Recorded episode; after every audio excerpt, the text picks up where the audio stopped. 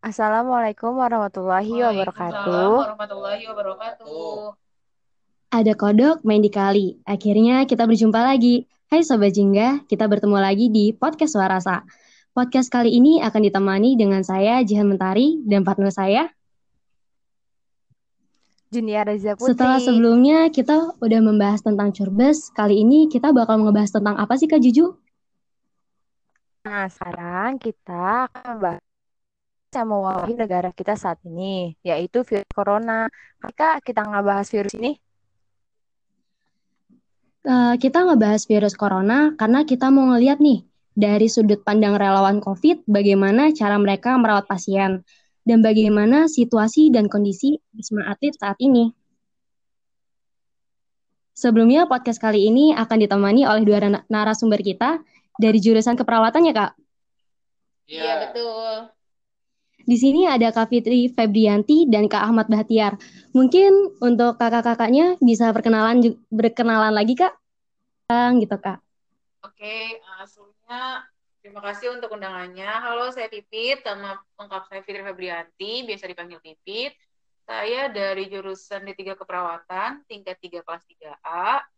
Terus aku namanya Ahmad Bahtiar, biasa dipanggil Tiar, dari sama satu kelas sama Pipit, dari tiga reguler, reguler, reguler A dan tingkat tiga juga sama dari perawat juga. Berarti Kak Tiar sama Kak Pipit ini lagi tingkat akhir ya? Iya, banget. Bener. Oh ya Kak, kalau boleh tahu sekarang Kakak lagi ada di rumah atau masih ada di Wisma Atlet Kak? Kita masih ada di Wisma Atlet sekarang lagi menjalani masa karantina setelah selesai tugas 14 hari di bulan awal kemarin. Betul banget. Jadi kita masih di Wisma Atlet sih sekarang. Hmm. Kalau kita mulai sharingnya boleh nggak Kak? Boleh. Uh, pertanyaan pertama nih Kak, gimana sih awalnya kakak tahu kalau misalkan ada satgas untuk relawan COVID ini? Terus dari kampus sendiri berapa orang yang ditugaskan di satgas ini kak? Kalau boleh tahu? Oke, coba uh, coba saya jawab dulu ya. Sebenarnya awal atau uh, ada satgas ini waktu itu tuh sempat ada kapan ya? Tanggal pastinya sih lupa.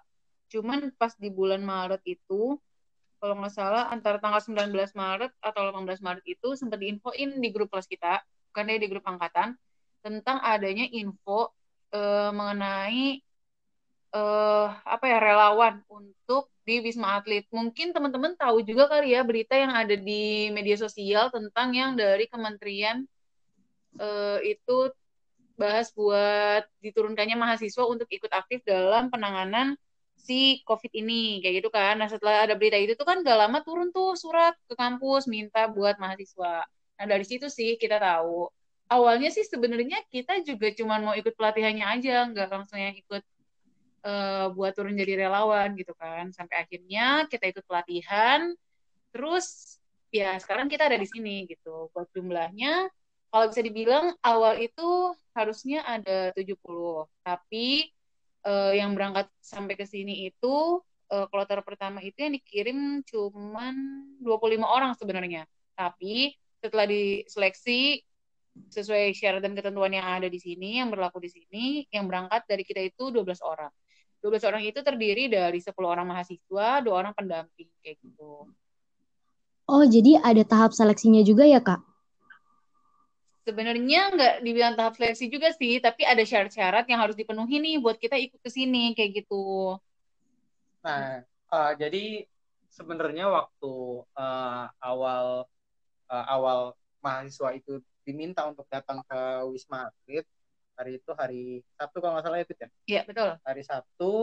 Nah ternyata banyak banyak yang uh, belum belum siap gitu dengan contoh ada yang belum izin orang uh, orang tua atau belum menyiapkan istilahnya berkas-berkas yang bakal diminta tuh nggak tahu apa aja gitu salah satunya juga kayak BPJS dan lain sebagainya dan ternyata uh, ada syarat dan ketentuan yang teman-teman setelah datang ke sini baru dapat gitu dan akhirnya kayak ya ada yang harus pulang gitu, dan akhirnya uh, berkurang berkurang akhirnya tinggal 12 orang. Uh, Mau ditambahin Kak, Fit Kak Fitri? Uh, paling udah sih, kayak gitu sih kalau misalnya buat nanya tadi yang jumlah dan lain-lainnya. Uh, mau nanya dong Kak, tadi kan uh, ada kata-kata kalau misalkan beberapa orang gak diizinin ya sama orang tua. Kalau misalkan untuk Kak Fitri dan Kak Tiar sendiri, uh, ada tanggapan apa dari orang tua? Apakah orang tua pro atau kontra? Terus ingin tahu dong Kak, motivasi ikut Satgas ini apa? Padahal resikonya kan besar ya Kak ya. Terus kesiapan mental kalian berdua gimana kak? Uh, kalau dari pribadi uh, aku nih, pertama dari orang tua sih uh, pribadi selalu ngedukung gitu, kayak dia mau mau mau ambil langkah gimana dan kalau emang mau apa mencalonkan diri untuk jadi relawan ya silakan gitu. Dari orang tua uh, mungkin ya uh, wajarnya layaknya orang tua gitu. Mungkin agak berat untuk anaknya pergi ke uh, wisma atlet gitu istilahnya bertarung dengan penyakit ini gitu. Tapi uh, orang tua cukup mengerti kalau dari motivasi motivasi pribadi yang waktu itu aku pikir kenapa bisa akhirnya aku nyampe di sini uh, pertama aku emang udah biasa dan selalu tinggal sendiri gitu. Dan berpikir untuk gimana sih uh, caranya kita untuk untuk jadi lebih ber, jadi lebih bermanfaat buat orang lain gitu kan. Uh, ingat pernah ingat juga omongan uh, ayah suatu kali ayah bilang uh, bahwa manusia itu dilihat dari dua. Pertama cara dia hidup dan kedua cara dia meninggal gitu. Cara dia hidup gimana dia bersikap baik sama orang dan apa sih yang udah dia tinggalin untuk untuk manusia lainnya gitu. Udah bermanfaat atau belum? Dan aku mikir kalau seandainya uh, aku bisa jadi jadi relawan aku bisa ngebantu uh, orang banyak gitu. Ya aku bakal jadi orang yang uh, seenggaknya dalam hidup aku udah ngelakuin satu hal baik gitu. Jadi uh, itu jadi motivasi aku pribadi jadi motivasinya bermanfaat buat orang lain ya kak? Iya salut sih kak. Oke. Kalau dari aku sih ya kan awalnya ini uh, mungkin yang harus kalian tahu dulu nih ini kejadian tuh benar-benar yang tek tek gitu loh maksudnya kayak semuanya tuh berjalannya cepat banget benar-benar nggak ada yang a i u e o nggak ada istilahnya itu kita kayak nggak ada woro-woro dulu, nggak ada pengumuman, nggak ada nggak dikasih tahu apa-apa. Ya, kita datang ke sini bermodalkan nekat dengan uh, ya udah datang datang aja gitu. Itu yang harian harian harus tahu dulu. Tapi untuk masalah perizinan orang tua pasti uh, khawatir ya, khawatir. Cuman alhamdulillahnya sih dari orang tua aku uh, percaya dan mengizinkan sih sepenuhnya karena kita juga udah jelasin sih. Bahkan kalau kalian mau tahu, aku itu emang di awal sih udah bilang mau ikut gitu kan. Cuman pas berjalannya proses nih, ini kan kejadiannya cepet banget ya. Kita tuh baru tahu ketika kita sampai di sini di Wisma Atlet, uh, tadi kan dibilangnya hari Sabtu ya, itu salah itu hari Minggu kalau nggak salah, dirawat ya. Ah, itu hari Minggu. Jadi pas kita sampai nih, kita tuh bener-bener yang kita nggak tahu loh, kita tuh bakal berapa lama di sini, kita bakal ngapain di sini, kita tuh belum tahu. Sampai akhirnya kita datang ke sini, itu kita baru benar-benar dikasih tahu kalau kalian itu di sini bakal selama 28 hari nggak bisa kurang ataupun eh, nggak uh, bisa kurang dari itu karena emang bentuk kontraknya tuh seperti itu jujur kita pas ada di sini denger itu kaget luar biasa. Kenapa? Karena kita tuh bener-bener yang oh paling cuma sebentar doang kali tiga hari doang kali. Bahkan kan kayak kita tuh dibikin per kloter biar nanti tiga hari nih kita di sini gantian sama teman-teman kita yang lain. Tapi ternyata nggak kayak gitu nih kejadiannya kan? Ya udah tuh uh, bingung. Bahkan sempat kayak panik kaget. Nggak tahu juga kan ini bakal dilanjutin atau enggak kayak gitu. Sampai akhirnya pas kita di Wisma Atlet ini ya kita ngabarin orang tua kita kita izinnya tuh via telepon ke sana ke rumah kita. Ke rumah okay. kita orang tua kita masing-masing kayak gitu. Karena nggak memungkinkan kita untuk pulang dulu nanya baru kita nanti datang lagi ke sini gitu loh. Jadi benar-benar dikasih tahu selama 28 hari kalau mau lanjut ya silahkan kalau enggak ya silahkan mundur kayak gitu. Nah itu juga sih yang jadi bahan seleksi kemarin ada yang diizinin ada yang nggak diizinin karena hal itu tadi kayak gitu. Karena kan kalau misalnya dulu pas di hari itu ya jujur mikirnya 28 hari itu hari yang lama banget sih kayak gitu. Itu buat masalah uh, orang tua kayak gimana ya, ya terus buat masalah motivasi kalau dari aku pribadi uh, kalau buat aku pribadi motivasi aku tuh gini. Aku tuh punya moto hidup di mana aku berada keberadaan aku tuh bisa uh, membuat orang lain bernafas lega. Jadi kayak ada panggilan hati aja sih buat ikut di sini kayak gitu. Dan jujur sebelum ada kegiatan ini ada masalah uh, perekrutan ini tuh jujur hati aku tuh udah resah gitu loh. Kayak oh kita masih mahasiswa keperawatan tapi kok kita nggak bisa ikut aktif gitu loh. Kenapa kita nggak bisa ya, ikut ya, merangin? Iya merangin masalah wabah ini. Harusnya kan kita yang ambil action kita yang ambil bagian di sini. Nggak cuma sekedar ikut demo atau gimana gitu. Dari situ dan uh, ternyata ada panggilan ini jujur aku nggak mikir dua kali sih buat ikut. Kayak gitu itu dari aku. Terus aku sih berharapnya ya gitu uh, keberadaan aku terus niatan baik aku ini bisa bermanfaat baik buat diri aku maupun orang-orang yang ada di sini. Kalau ditanya mental jujur apa ya kayak lebih shock kali ya. Shock banget sih karena ya tadi kita tuh benar-benar nggak ada bawa persiapan apa-apa. Bahkan kalau bisa dibilang kita tuh nggak bawa baju buat satu bulan pas datang awal ke sini kayak gitu. Oh seriusan kak? Iya jadi itu benar-benar kita gak dikasih waktu buat buat mikir gitu. Iya. Dan itu tuh uh, kalau misalnya kamu mau tahu uh, atau kalian mau dengar kita tuh uh, jadi ada dari satu salah satu universitas eh politeknik mereka tuh tanya gini uh, uh, kan kita dibawahi dari TNI ya waktu itu istilahnya di sini tuh kita dari gabungan berbagai uh, instansi gitu kan. Ada TNI AD, AL, AU, polisi, ada di teman-teman Poltekkes gitu. Bahkan kita tuh di sini yang gelombang satunya loh, mahasiswa yang turun duluan ke sini gitu. Poltekkes 1 2 3. Nah, di situ semuanya tuh nggak tahu nih bakal berapa lama. Adalah yang nanya e, Pak, kita bakal berapa hari? Dikasih tahu kan tadi 28 hari. Kalau misalnya kita kita kan belum pada izin semua nih Pak, bolehnya sampai tiga hari.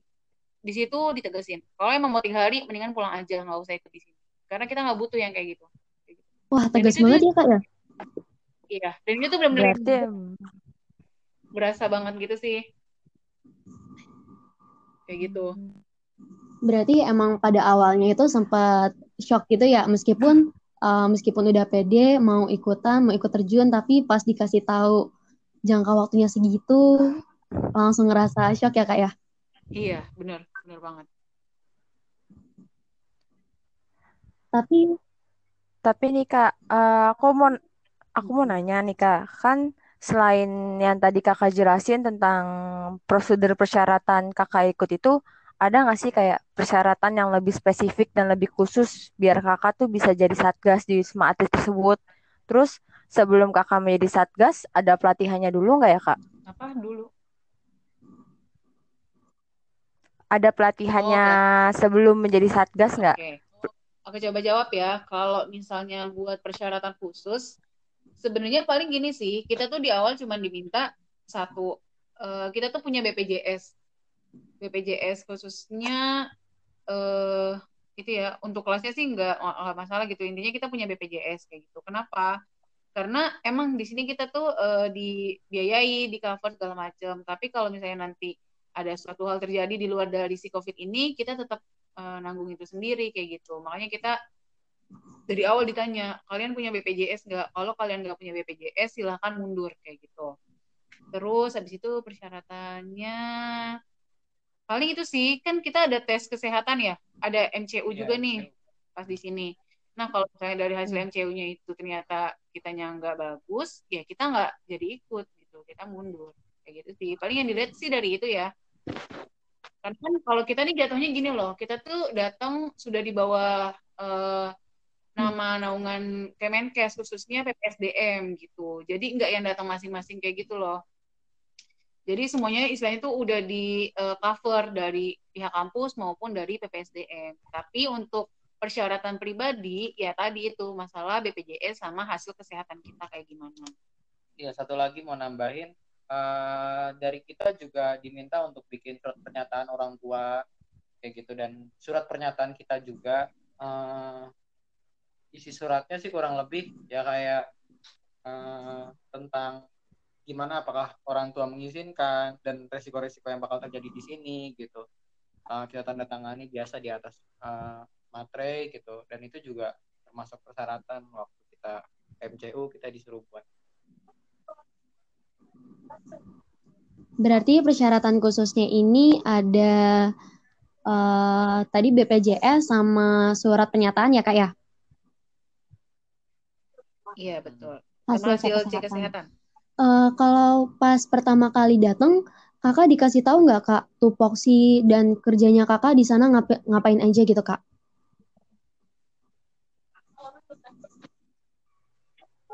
Kalau pas pertama kali datang, Oh iya, tadi mau mbak itu oh, ya iya. yang kata pelatihan. Ini eh, ini nyambung sih. Eh, jadi pelatihan pertama itu tuh sebenarnya di hari Jumat ketika kita dikabarin tuh itu ada pelatihan. Nah pelatihan ini tuh eh, sistemnya tuh web gitu. Jadi kita dikasih materi, cuman ya kita kita eh, apa ya eh, pelatihan materi itu tuh dari kampus gitu. Sedangkan pematerinya tuh ada di tempatnya mereka masing-masing kayak gitu. Nah terus dari webinar ini kita berangkat kan di hari Minggu, baru pelatihan yang uh, ketemu langsung gitu loh di sana. Jadi kalau bilang ada pelatihan ada, tapi ya itu cuma dua hari. Persiapan kita tuh cuma dua hari aja buat soal pelatihan. Dan kita di sini pun selain kita jadi uh, relawan dan istilahnya udah terjun ke lapangan, uh, ada juga pelatihan-pelatihan yang kita terima dari sini gitu. Kayak uh, istilahnya pelatihan yang kita terima di di tengah jalan gitu kayak contoh uh, swab, terus teknik-teknik uh, lain rapid test gitu atau eh, aplikasi-aplikasi uh, yang ada di komputer, terus juga sistem alur IGD, alur pelayanan dan lain-lain uh, itu juga kita terima di sini pelatihannya. Jadi secara secara berkala gitu nggak kayak semua di awal di di awal dijelasin dulu baru, baru kita diterjunin. Enggak enggak kayak gitu. Tapi seiring waktu berjalan kita sambil dilatih juga. Oh iya Kak, ngomong-ngomong hmm. tentang rapid test nih, Kakak udah di rapid test juga belum sih Kak? Oke, kita udah di rapid test dua kali dan alhamdulillah hasilnya negatif. Amin. Karena sekarang kita udah masuk karantina, nanti kita tinggal nunggu hasil rapid test kita yang ketiga. Ya doain ya, semoga hasilnya negatif Amin. juga. Kita doain terus Kak. Amin. Oke, terima kasih. Terus tadi apa tadi pertanyaan berikutnya lupa lagi. Yang itu Kak apa uh, rutin kegiatan rutinitas oh, iya. Kakak selama jadi relawan di dalam sana Foxy, itu ya? gimana? Oke. Jadi gini. Uh-uh, sebelum bahas itu mungkin kalian harus tahu dulu kalau Wisma Atlet ini bangunan yang dibangun bukan untuk sebuah rumah sakit kan awalnya. Baru karena adanya wabah ini bangunan yeah. ini dibuat sedemikian rupa buat jadi rumah sakit dan pasti kalian juga udah banyak dengan berita miring tentang uh, wisma atlet ini iya nggak sih pernah nggak sih kalian dengar yang uh, pernah kak. dengar gitu oke. Kita sebagai orang dalam di sini yang ada di sini ngejalanin langsung, langsung di sini jujur agak miris sih dengan dengan berita kayak gitu. Kenapa? Kalau misalnya kalian boleh tahu rumah sakit ini tuh benar-benar yang seminggu disiapin dan seminggu itu kita langsung mulai kerja dengan pelatihan yang kalau kalian tadi udah denger secepat kilat dan kita pun harus buat terima ya, dua hari. Kita harus terima semua itu dan langsung istilahnya langsung action di tugas kita. Di awal itu uh, pasti sih peran kita sebagai perawat ya. Perawat untuk penempatan di IGD ataupun di ruang ranap kayak gitu. Jadi tergantung si penempatannya di mana. Kalau untuk tugasnya kalau misalnya di IGD pasti kayak uh, terima pasien baru, terus habis itu melakukan uh, asesmen pra, uh, pasiennya, begitu. Dan yang perlu kalian tahu adalah uh, rumah sakit ini tuh dibangun kan sedadakan. Gitu dadakan banget sih. Ketika, iya, ketika dibuka pun uh, belum ada loh kayak perlengkapannya, bukannya belum ada, belum maksimal, tidak bisa disamakan dengan rumah sakit pada umumnya belum ada alat-alat, obat-obatnya pun belum lengkap kayak gitu. Nah, kita di sini pun yang bekerja di awal itu adalah dokter, perawat, dibantu sama TNI lainnya untuk tupoksinya masing-masing kayak gitu kan. Nah, tugas kita kalau ditanya di awal-awal sih kayak apa aja sih kita lakuin dari terima pasien, asesmen pasien, habis itu kita anterin pasiennya ke ruang ranap gitu kan. Terus kita bagiin makanan pasien juga, kita kontrol dan monitoring juga nih kondisi pasien itu kayak gimana. Terus di sini tuh sistemnya tuh via WA gitu, WhatsApp. Jadi kayak mereka bakal ditaruh di kamar masing-masing, nanti kita kontrol mereka itu dari WhatsApp. Tapi nggak semuanya kan kadang ada WhatsApp dan di awal-awal ini berdiri tuh itu pun belum bisa berjalan dengan maksimal. Jadi setiap kita monitoring kita tuh door to door ke setiap kamar, gimana kondisinya, kita lihat gimana keadaannya kayak gitu. Terus kita juga ngelaksanain cek lab, ngambil darah buat pasiennya, terus kita ngelaksanain rapid test juga. Kita juga yang ngelaksanain uh, swab buat pasien-pasien di sini kayak gitu. Jadi kalau ditanya pekerjaannya apa, banyak sih dan hampir apa yang ada di sini itu kita kerjain. Bahkan di awal pun kita itu uh, beresin sampah dan lain-lain kayak gitu. Tapi mungkin beresin sampahnya ini dalam artian gini, rumah sakit ini tuh hmm. baru dan mau masuk ke dalam rumah sakit ini tuh pun kita harus dilengkapi dengan APD yang sangat lengkap dan sesuai prosedur yang sedemikian rupa. Nggak bisa semua orang tuh masuk, nggak kayak di rumah sakit biasanya kayak gitu. Maka dari itu nggak ada nih tenaga kayak yang buat bagiin makanan. Kalau di rumah sakit kan biasanya ada dong. Terus nggak ada uh, petugas yang bagian bersih bersih kayak gitu. Nah di awal tuh karena nggak ada ya kita paling yang bersihin makan bekas pasien di depan. Karena masih ya numpuk kan tuh sampah-sampah gitu. Tapi dibantu juga sih sama bapak-bapak TNI-nya kayak gitu. Istilahnya mulai berjalannya waktu semua itu tuh uh, alhamdulillah ada di cover kalau kayak gitu sih. Iya jadi di awal itu berasa banget kita uh, istilahnya struktur yang masih berantakan gitu. Uh, kalau aku pribadi di, di IGD kalau pipit di ranap uh, dan di IGD tuh bener-bener uh, kita semua tuh uh, pekerjaannya perawat dan semua juga pekerjaan dokter gitu. Kayak bahkan untuk hal-hal sepele uh, misal nganter barang pasien karena kan keluarga pasien nggak nggak bisa nggak bisa masuk gitu nggak diizinin sampai ranap.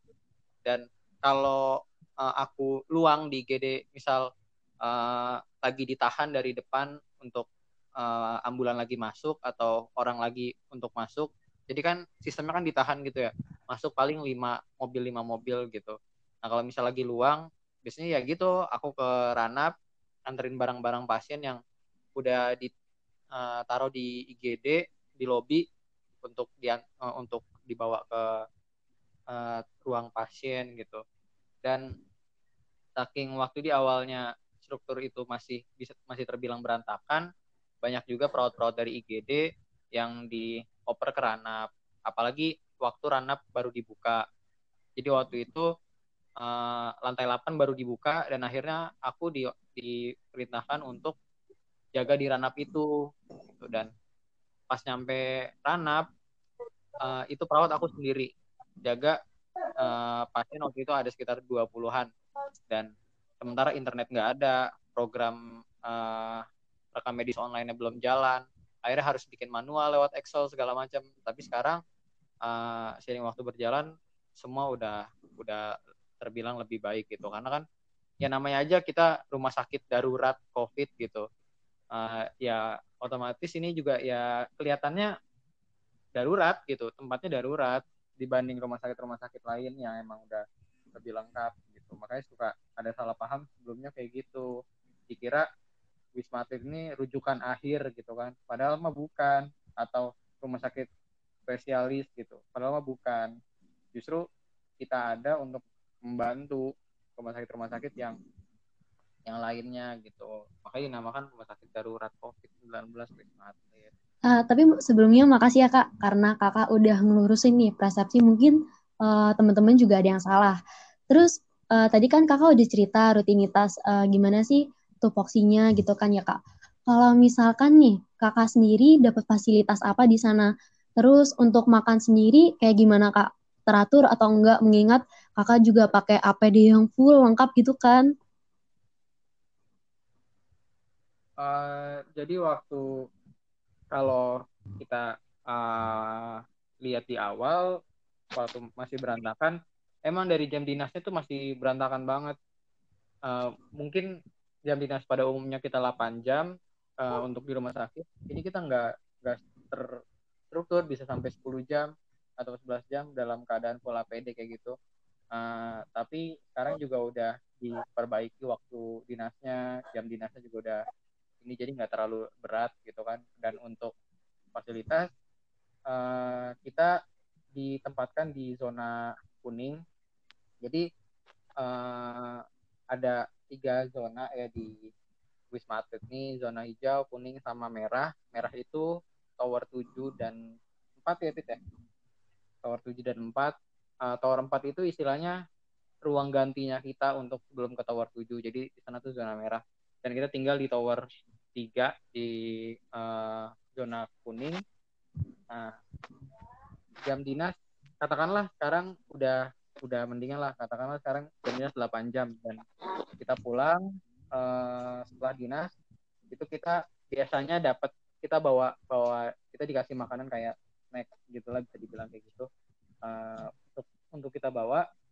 Nah ketika kita sampai di wisma kita dapat makan tiga kali sehari juga dapat snack juga dan uh, ya fasilitasnya bisa dibilang bisa dibilang uh, manusiawi lah gitu untuk tenaga kerja kesehatan ini kita merasa dihargai kok. Berarti pola hidupnya masih aman lah ya kak ya?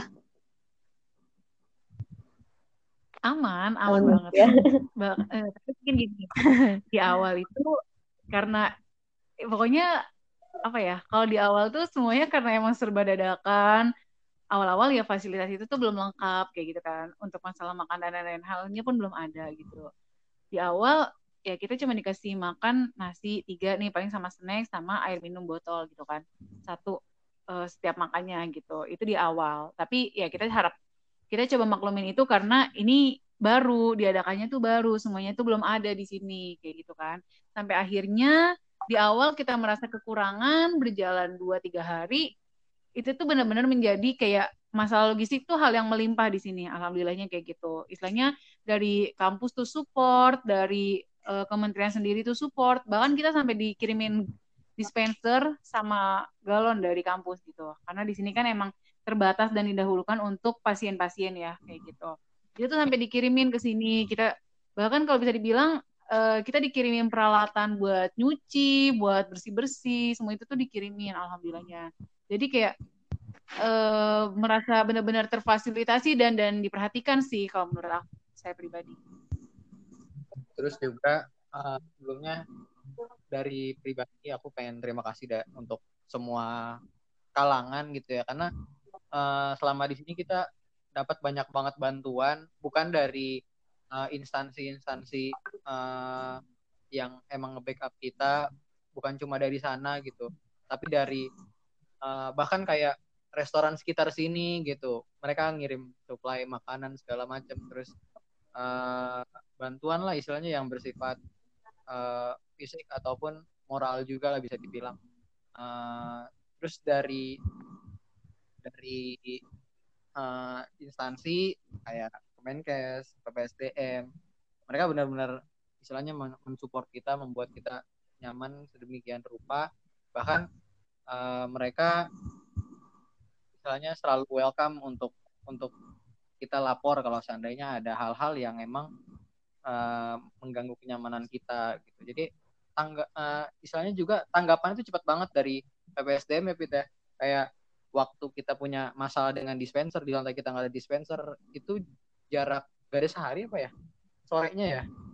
Sorenya langsung uh, diantar. Istilahnya bener-bener bener-bener uh, kita berterima kasih banget untuk semua kalangan yang emang udah mendukung kita, uh, membantu kita, termasuk kampus tercinta Poltekkes Menkes Jakarta dan juga uh, dari kalangan-kalangan lain, masyarakat atau organisasi-organisasi masyarakat, bahkan uh, istilahnya organisasi-organisasi yang mungkin nggak se uh, terstruktur uh, instansi kampus gitu kayak organisasi dari klub motor atau lain-lainnya gitu yang ngebantu ngirim APD segala macam dan ngasih dukungan moral setiap saat di sosial media di mana-mana gitu. Kita terima kasih banget.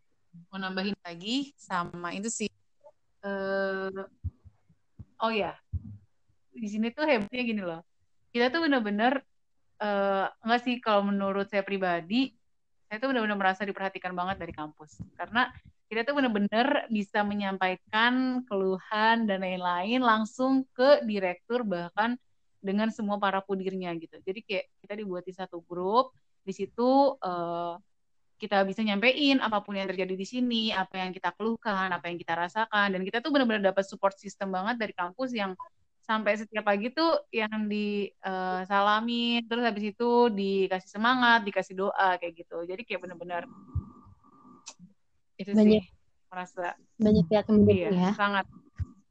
Iya betul. Alhamdulillah. Sekali. Alhamdulillah ya kak, jadi banyak yang dukung. Iya betul.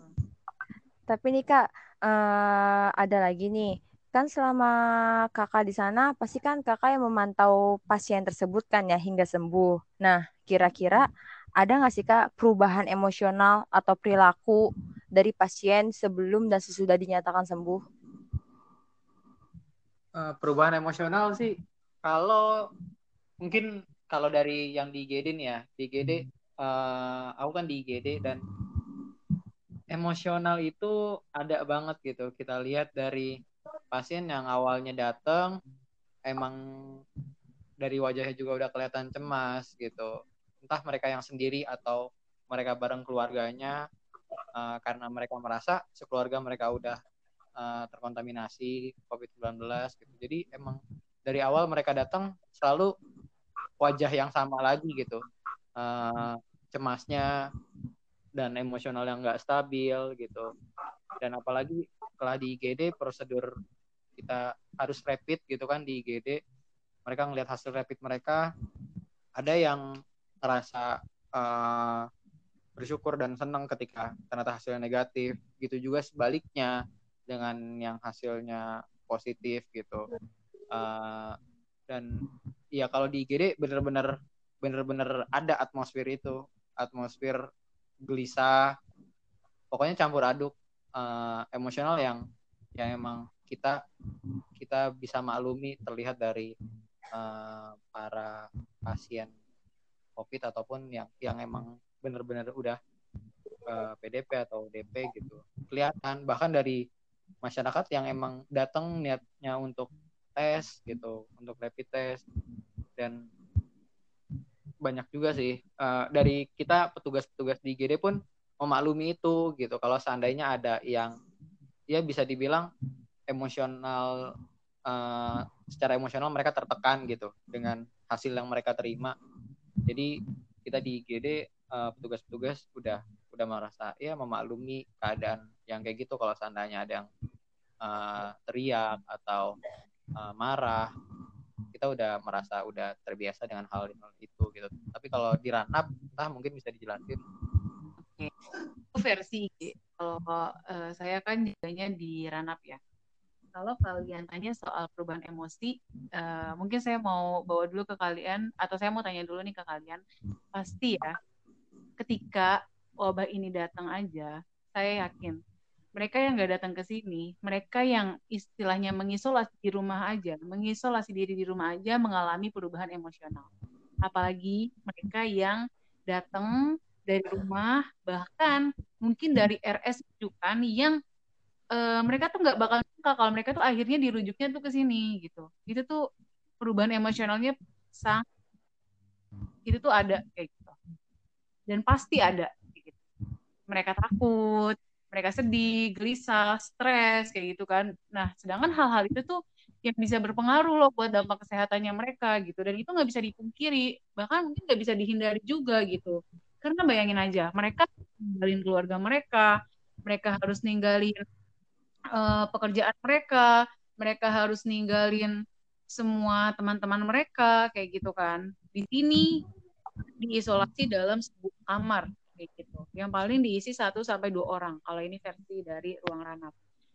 Uh, saya sempat ketemu pasien yang dia nangis-nangis gitu kan, dia mau pulang kayak gitu. Padahal ya kondisinya belum mungkin kan untuk pulang kayak gitu kan ada pasien yang uh, halusinasi juga kayak gitu ada yang sampai ngamuk di ruangan tuh ada yang sampai ngamuk kayak gitu ya tadi karena perubahan emosional tadi, mengalami stres tadi dan itu di awal-awal tuh mungkin belum bisa teratasi gitu.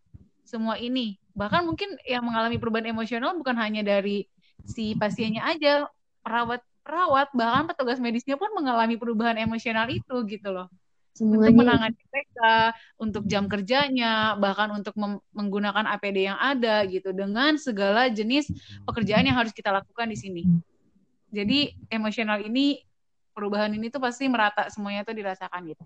Tapi ada sisi yang aku tuh apa ya tersentuh, aku tuh salut banget ketika di sini. Ada loh pasien yang ada loh pasien yang uh, yang sebenarnya yang sakit itu adalah orang tuanya kayak gitu. Tapi uh, kondisinya tidak memungkinkan untuk ditinggal sendiri. Akhirnya anaknya datang menemani mau di sini mengikuti uh, sesuai prosedur gitu. Istilahnya mau ikut dirawat jatuhnya. Karena kan dia udah PDP ya udah kontak dengan si pasien ini gitu loh. Kayak gitu.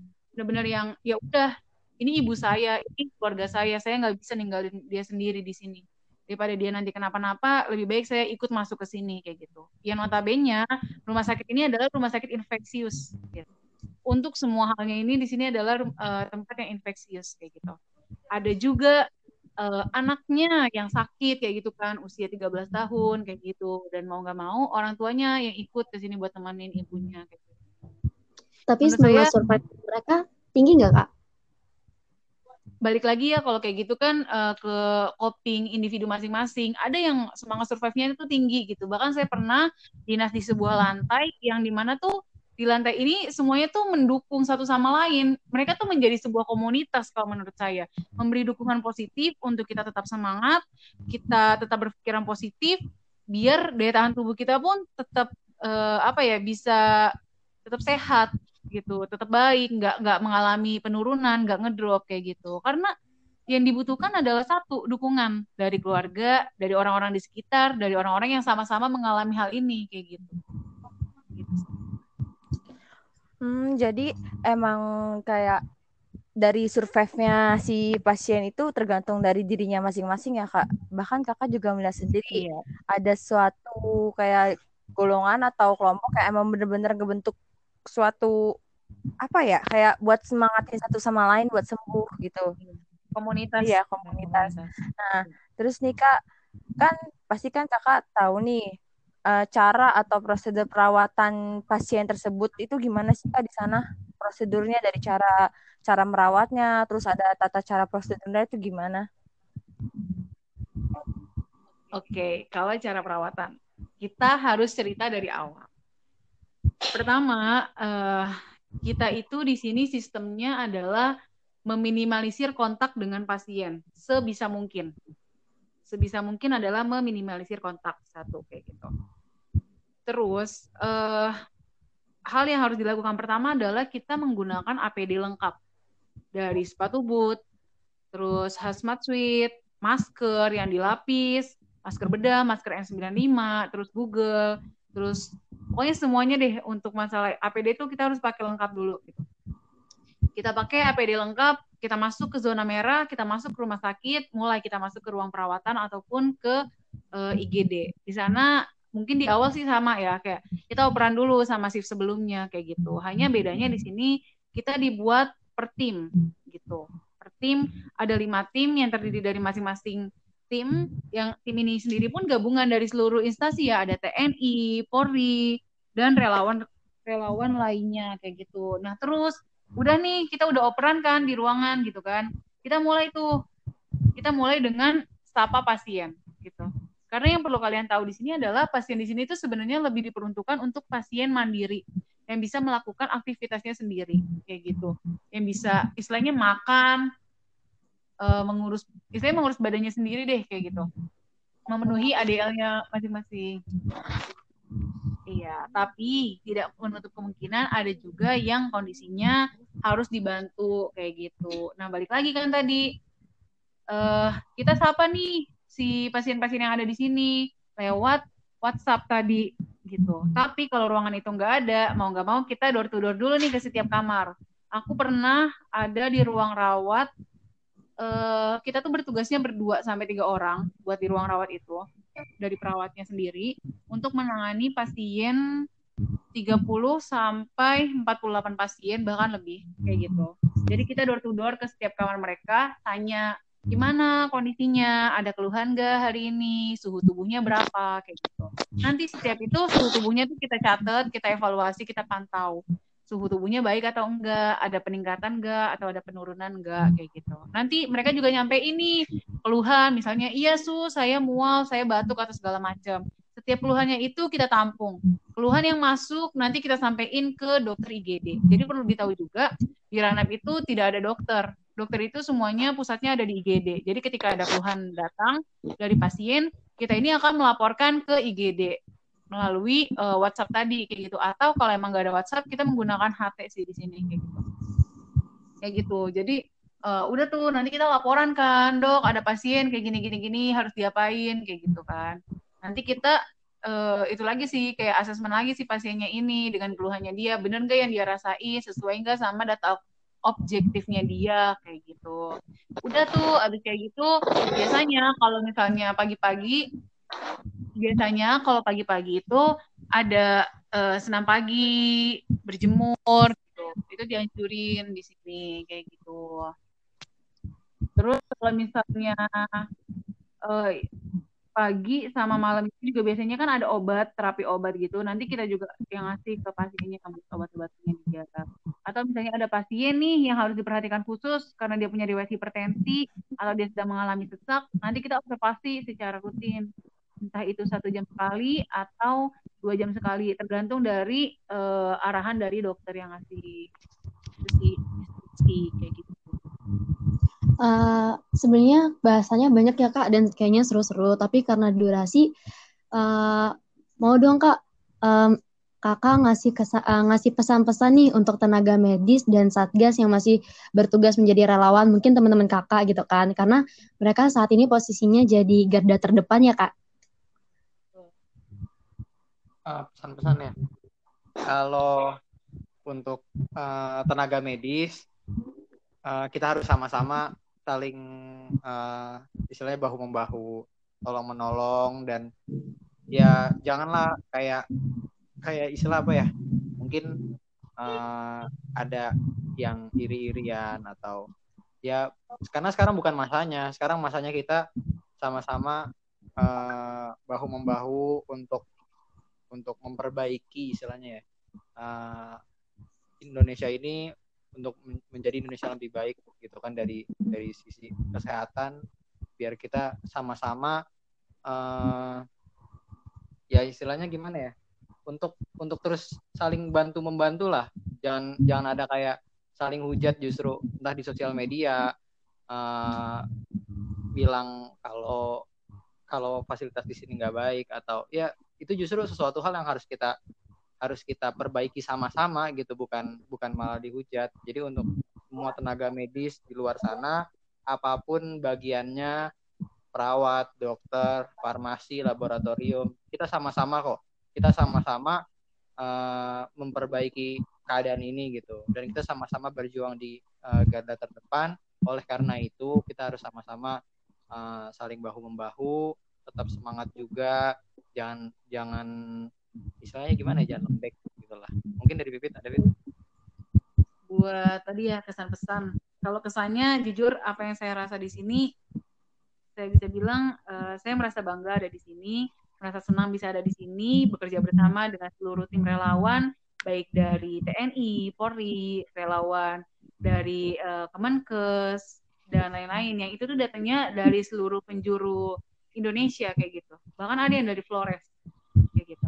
Dan untuk pesannya mungkin uh, kita harus tetap semangat sih satu sama lain. Bukan cuma kita tenaga medis yang di sini, tapi kalian yang masih di rumah, yang masih tetap stay, bahkan kalian semua mahasiswa uh, kesehatan, please bantu. Jangan ada stigma di antara kita, jangan saling menjatuhkan satu sama lain. Jangan karena paniknya kalian, kalian malah uh, apa ya membuat orang yang berusaha keras untuk merelakan dan mengikhlaskan diri dia bekerja sebaik mungkin untuk bisa membantu menangani masalah ini tuh jadi terkesan sia-sia gitu. Itu sih karena jujur aku sedih aja dengar berita-berita yang ada di luar sana mengenai entah itu stigma masyarakat ada perawat gitu loh. Kenapa ya di negara kita ini malah yang itu tuh hal seperti itu gitu. Kalau emang bisa dibantu yuklah kita sebagai mahasiswa di sini uh, orang yang apa ya jadi bilang kan kita yang jiwa-jiwa muda di sini ayo saling bantu saling gotong untuk nyampein paling enggak ke keluarga kita, ke orang-orang yang terdekat kita, ajak mereka semua tuh mengerti bahwa di sini bukan orang yang harus ditakuti dan penyakit ini, COVID ini tuh bukan sebuah aib ketika mereka terkena sama COVID ini. Jangan buat mereka yang udah sakit, jangan buat mereka yang udah shock dengan keadaan uh, yang harus mereka terima, mereka tuh semakin terpukul dengan tidak adanya support dari lingkungan mereka sendiri gitu. Jadi satu sih pesanku buat semuanya, please kita saling positive thinking dan saling kasih dukungan terbaik kita yang kita bisa kasih buat tenaga medis, buat pasien, bahkan buat kalian yang ada di rumah aja. Oke, makasih banyak ya Kak pesan-pesannya. Uh, sama. Berarti untuk uh, Sobat Jingga pesannya itu jangan ngasih stigma buruk ya ke tenaga kesehatan ini kak. Jangan netting intinya, iya. saling dukung satu sama lain, karena yang dibutuhkan dukungan. Nah, wah nggak terasa nih ya kak, udah lama kita bincang-bincang, udah banyak juga pertanyaan-pertanyaan yang terjawab. Uh, coba jingga di rumah juga pasti ilmunya nambah dan apa dengerin pengalaman-pengalaman dari kakak, cerita-cerita kakak, semoga membuat sobat jika di rumah jadi sadar gitu bahwa anjuran stay at home itu benar-benar harus dipatuhi gitu. Karena kakak dan yang lainnya yang menjadi satgas dan relawan yang menjadi garda terdepan gitu loh untuk virus saat ini. Oke Kak, terima kasih banyak ya Kak untuk waktunya. Maaf juga kalau saya dan Jihan ganggu Kakak malam-malam kayak begini. Uh, iya, sama-sama sebelumnya. Sama mungkin dari kita juga terima kasih karena kalian udah mau ngasih kesempatan ke kita buat bersuara, buat nyampein cerita dan apa yang kita rasain di sini ya. Uh, justru kita juga terima kasih gitu dikasih sarana ini uh, difasilitasi uh, untuk mengeluarkan uh, apresiasi apa aspirasi kita gitu. Uh, karena ya kalau nggak ada uh, podcast ini kita juga bingung kan, kita pengen uh, ngungkapin ini ke siapa gitu. Jadi kita juga terima kasih kok. Iya. Sama-sama. Sama mungkin aku mau bilang sih sukses terus buat BEM Poltekkes dan untuk seluruh LKM yang ada. Kalian luar biasa untuk tetap aktif dengan segala kondisi yang ada. Jadi semangat terus ya. Terima kasih Kak. Amin amin amin. Kakak juga sehat selalu di sana ya Kak. Semoga dilancarin semuanya, dimudahin. Sehat-sehat di sana ya Kak. Amin. Uh, sebelum menutupi podcast kali ini, mau ngingetin nih buat Sobat Jingga, jangan lupa ya untuk mengikuti kegiatan Open Donasi COVID-19 yang bekerja sama dengan Sekolah Relawan. Donasi ini akan dibuka hingga 22 April 2020, yang mana donasi donasi ini nanti akan disalurkan langsung ke tenaga kesehatan. Jangan lupa donasi ya Sobat Jingga. Oke, karena kita sudah di ujung acara, saya Jihan dan Ju saya Juju dan Jihan. Mohon maaf apabila ada kesalahan. Kurang lebihnya mo kurang lebihnya mohon maaf. Wassalamualaikum warahmatullahi wabarakatuh.